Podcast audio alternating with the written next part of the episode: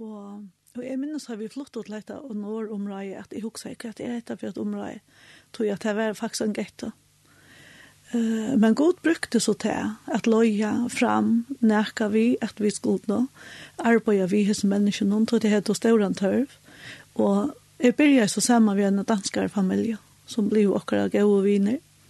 Så det arbeidet helt av i nesten en 20 år.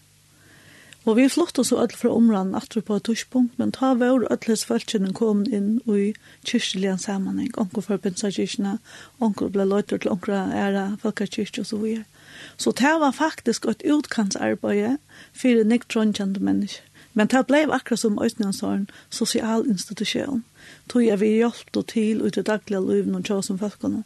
Nek var åndelige mammer, det var folk som var ikke ble traumatiseret, Jeg tror det kom fra grudj, Flere kom ur Syria til dømes, det var ikke krutje vei å ta, og er parstvis enn.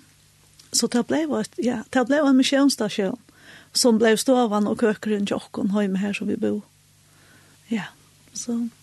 Og hver kommer til følelsene fra hvert av Biestre, Afrika, eller hvert av alle mulige stedene fra? Ja, det kom alle mulige stedene fra. Det var folk fra Iran, det var folk fra Sudan, det var folk fra Syria, vi fikk også en uslendingar vi, europeere, så var det vi, danska familier, så det var en blanding. Halvtid har vi vært mest, så var vi nødt til ymiske nasjonalitet. Ja. Så, ja, så det var også en kyrkja. Og, og opplevde tid også at, at folk kom til trygg? Absolutt, ja.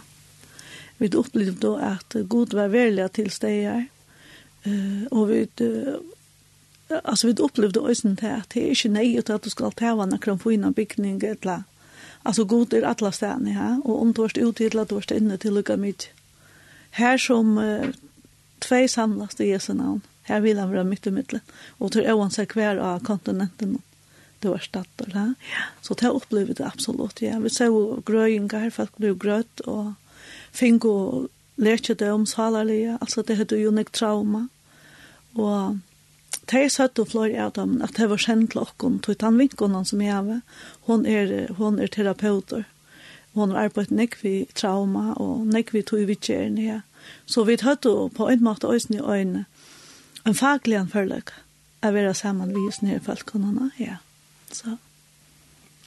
Til å, og, ja, jeg husker, nå, nå er det utvarsp, og derfor, Ja, det kostar han kanskje så så sjån skulle vi danse etter å fortelle personlig døme, men, yeah. men hevde du nekka døme om en person, eller om en familie her i Åre, som du kunne fortalt oss ikke anonymt om. jeg har ikke spurt i Åren, så, så det skal man ganske huske seg syndrom, og så skal jeg... Yeah. Altså, jeg kan til dømes takke døme om...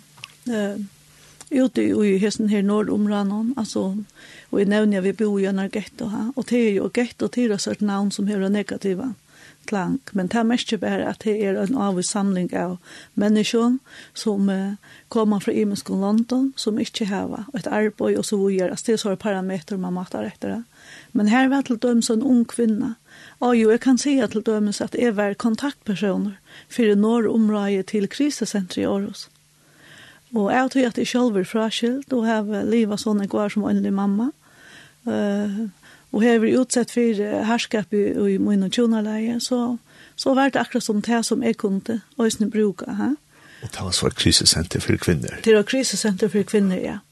Og her utfra ble en kvinne sendt ut i nærområdet i Tjokken, og hun var muslim. Og, og hun heier på at som var breka, hun 82 underbøtt. Hun er bo av krisesenteret nekva nekva mannen.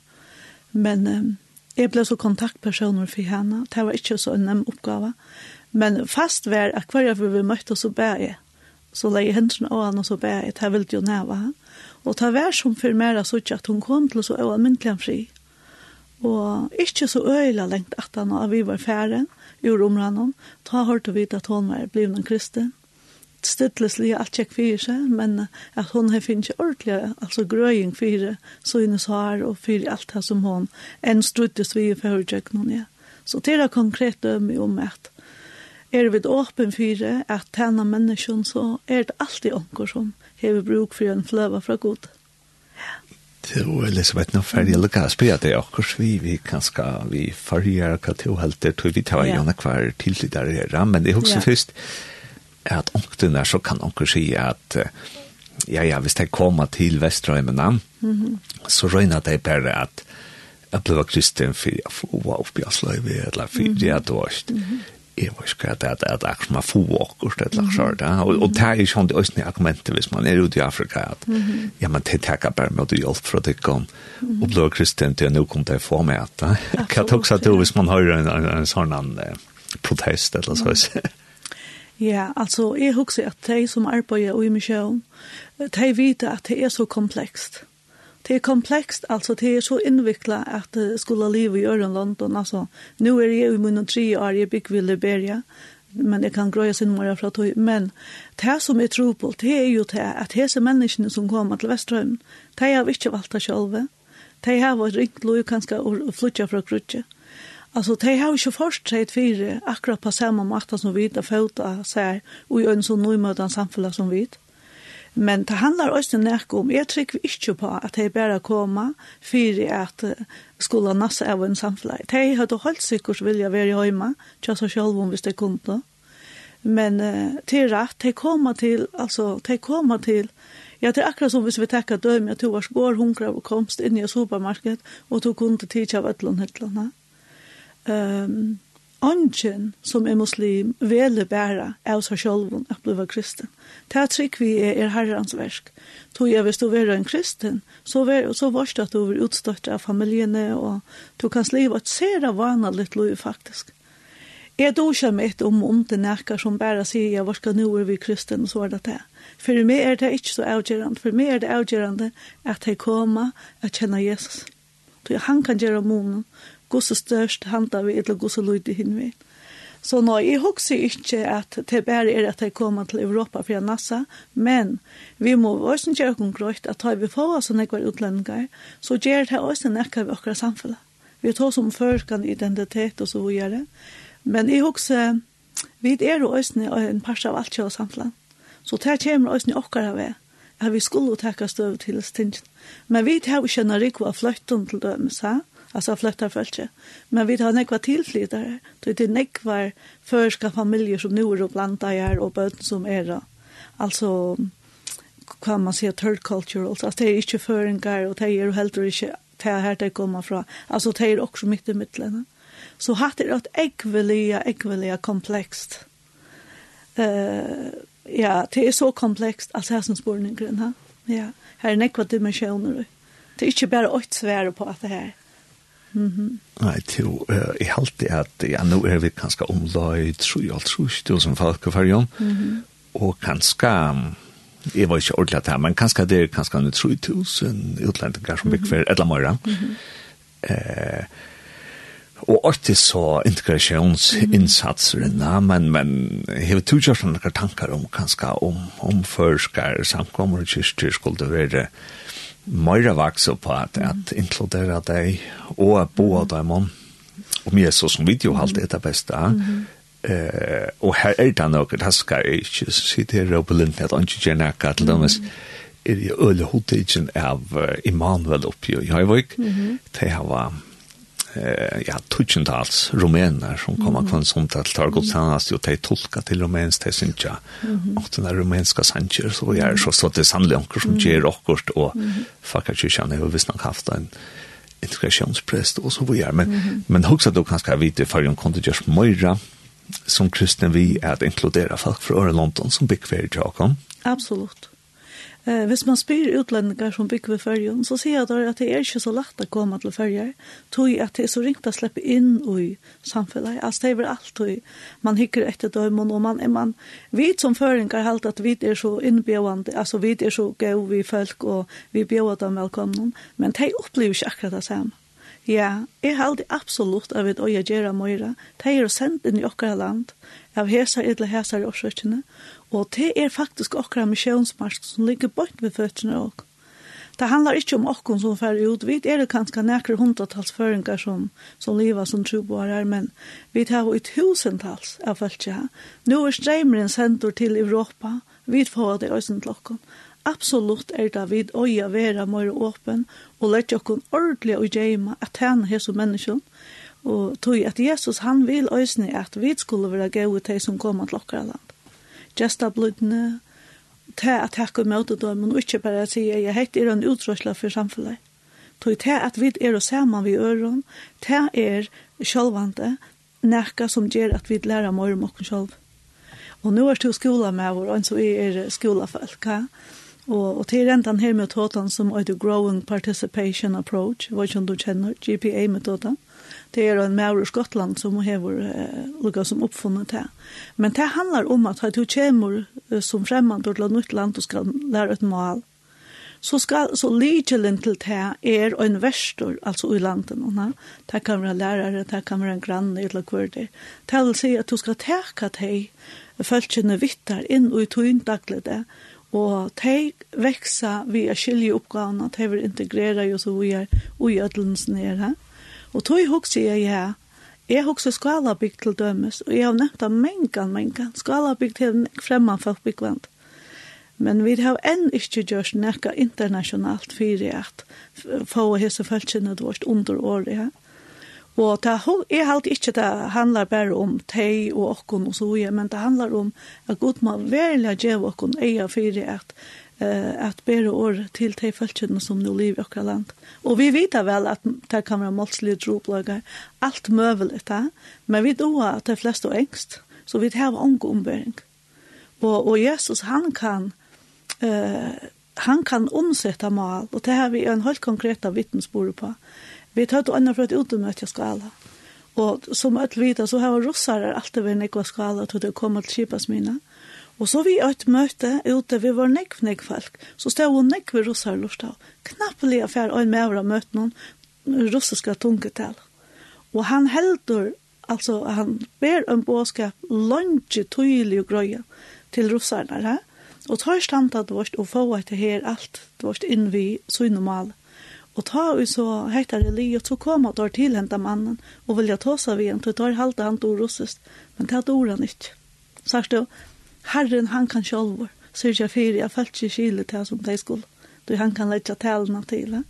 Så nå, jeg halte jeg vidt i okra gaua landet fyrjon, vi må virkelig be god om å hjelpe okkon, at suttje at det ligger av okkon, at djeva tøymen som kommer til okra land og sår og, og nå sier det så etter at, at det som vi kunne gjøre, ja. for seg til vi kunne, hvis vi har en granna, mm -hmm. eh, som kommer fra Orlande, mm -hmm. så kunne vi til være verstfamilie, alt det du kan det der. Ja. Mm -hmm. Og nå har du nevnt selv at vi bare skulle ha folk, og mm -hmm. bare er til å arbeide vi hvordan man kan menne skoler. Mm -hmm. ja.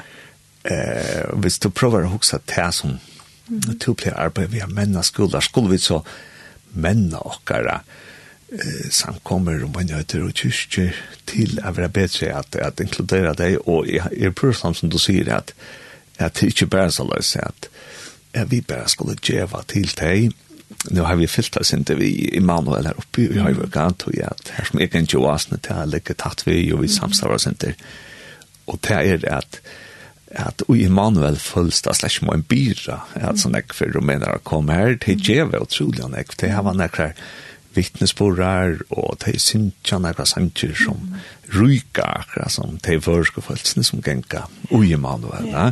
men, men, skulle vi gjøre vi akkurat, skulle vi gjøre akkurat vi akkurat samkommer, altså skulle vi, um, brøyt okkar nuverande tiltøk, skal vi finne på noen nødt tiltøk, eller så kan man kipa samkommer, sin drøvus helt til, å for at er røyne inkludera det i morgen.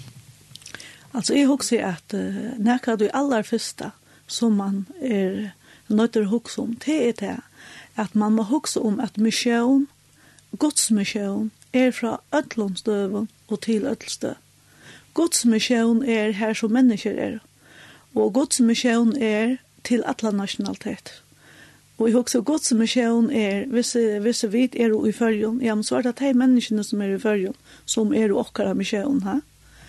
Jeg vet ikke om alt skal brøytast, men jeg vet bare at vi trønner til å få opplært okkon som samkommer som kyrkjer og så videre. Hvert krevs det av okkon. Ta jo nå, altså nå kan vi gå seg i misjonsmarsjen. Hun er her ved føttene av okkon. Vi pjøs ikke å sende folk til Asien. Hvis vi vet vi sutja tølene, hvordan jeg folk fra Philipsøkjen og bygger hvordan jeg folk fra Thailand og så videre. Gosse vilja vi som føringar møte som menneskene og fortelle dem om Jesus. Ja, det er kanskje kreve nekka av oss. Men Jesus sier, minnes til særlig, være gesta blod, tog jeg vidt her og det er ganske avvidende i hos øynklene. Altså gesta blodene, bare vi gøy i seg følelsene, møte dem som de er, tog at det ligger ikke å ikke åkken, vi skulle brøyta til å være som vi. Ha, de hadde vært skapt som vi, hvis det skulle være lykka som vi. Men i jeg som kyrkjer og samkommer må vi vite at han tøyen som vi liv og hun krever, at vi hugsa, altså at vi vilja lære okken om misjon. Det handlar ikke bare om at vi er i noen husen, og så møttes vi til her så ofte. Nei, Jesus sier færre tog og gjør i alle til lærersvinna mine. Tal til han sier, vitt Johannes, fær nå, eller Elisabeth fær nå. Og bygg vi av skala, så kan det være jeg skal til havnar, eller bygg vi av havn, så kan det være jeg skal også. Så hva doa vi det naturlige? Og jeg husker at i misjon er det så at det som då, altså som ligger så naturliga fire, tja og menneskjon, det er det som god og så lett kan bruka til att möta øren människorna. Så ja, jeg halte er en hukkbord, altså vi skulle lära nudjon, at til i ordene vi tar at aktiviteter som vi tar, men vi skulle minnes til, det er ikke alt. Altså en aktiviteter, altså gass er frelser ikke et menneske. Ja? Men til møte vi mennesker, hvordan møter Jesus menneskene? Han sier unga, nu må du først hatar, hatar, hatar, hatar. Mm -mm. Han sier, det er godt at du er sammen vittar, eller hva har du bruk for det? Hva kan du hjelpe deg vidt? Og jeg husker ikke til at, at møte vi andre mennesker, ære kulturer, prøves å være så, jeg var ikke, altså så besværlig. Jeg husker vi som føringer, vi, vi husker om oss som øyne, uh, ryka gaua tjau, og vi, vi møter oss til at vi er gesta blod her. Og tid høyre ofte når utlendinger sier, det er fantastisk som føringer blir, og nek vil jeg bygge her. Og det er ordentlig godt, det er godt skrive, vi gesta blod. Mm Men tar du spørst meg om hva jeg husker om, altså misjonsinnsats i samband med utlemmer, så må jeg si at jeg halte jeg vidt her en lengan ved etter en. Det er ikke en innvikla ved vever, men vi skulle bare komme til kjenner om det at misjon er fra Øtlundstøven og til ødlstøv. Og det er ikke bare et bestemt skap. Det kan så ikke utpasse nekva matte. Så ja, absolutt, hvis jeg kan være vidt til at etja okkara samkommun kyrkjon i okkara land i det, så sier, kom opp ur støvlen og byrja, og ta byrja vi at du holdsar jo på. Ta byrja vi i relasjon, altså, Jesus skapte alltid en relasjon til mennesk. Så det er også, ja, vi tar bruk for det. Ja, vi lest vet nå var vi til Aarhus, og så fører vi til Førje, som er førre igjen flykkvare. Ja, ja, vi fører oss alt så fra. Og vi fører alt til Afrika, men Arne, det er så... Mm ferdig å spille en sang, til så jeg du har valgt en sang vi Mikael Mahendere, ja. og sangren heter Salt of the Earth. The Earth. Skal du fortelle oss en drøm om denne sangen? Altså, dette er jo vestafrikanske rytmer, som man sier igjen, så, så arbeider i Liberia. Og, og i kyrkjen i høyre vi et nekvar imenska sanger, og heter øyne tøym, som vi er så reglelig har spalt. Mm Og, og hette er en lukka som en sånn stafesting og en proklamering. I am the salt of the earth, I am the yeast. Altså han sier, i er det salt. Og til det Jesus sier, tid er det salt, gjør det denne. Ha? Så hesen tekes hangen opp og sier, er det salt, er det tagjere, det vårt som hever og brøyder høymene. Ja, så lett å bare høre her.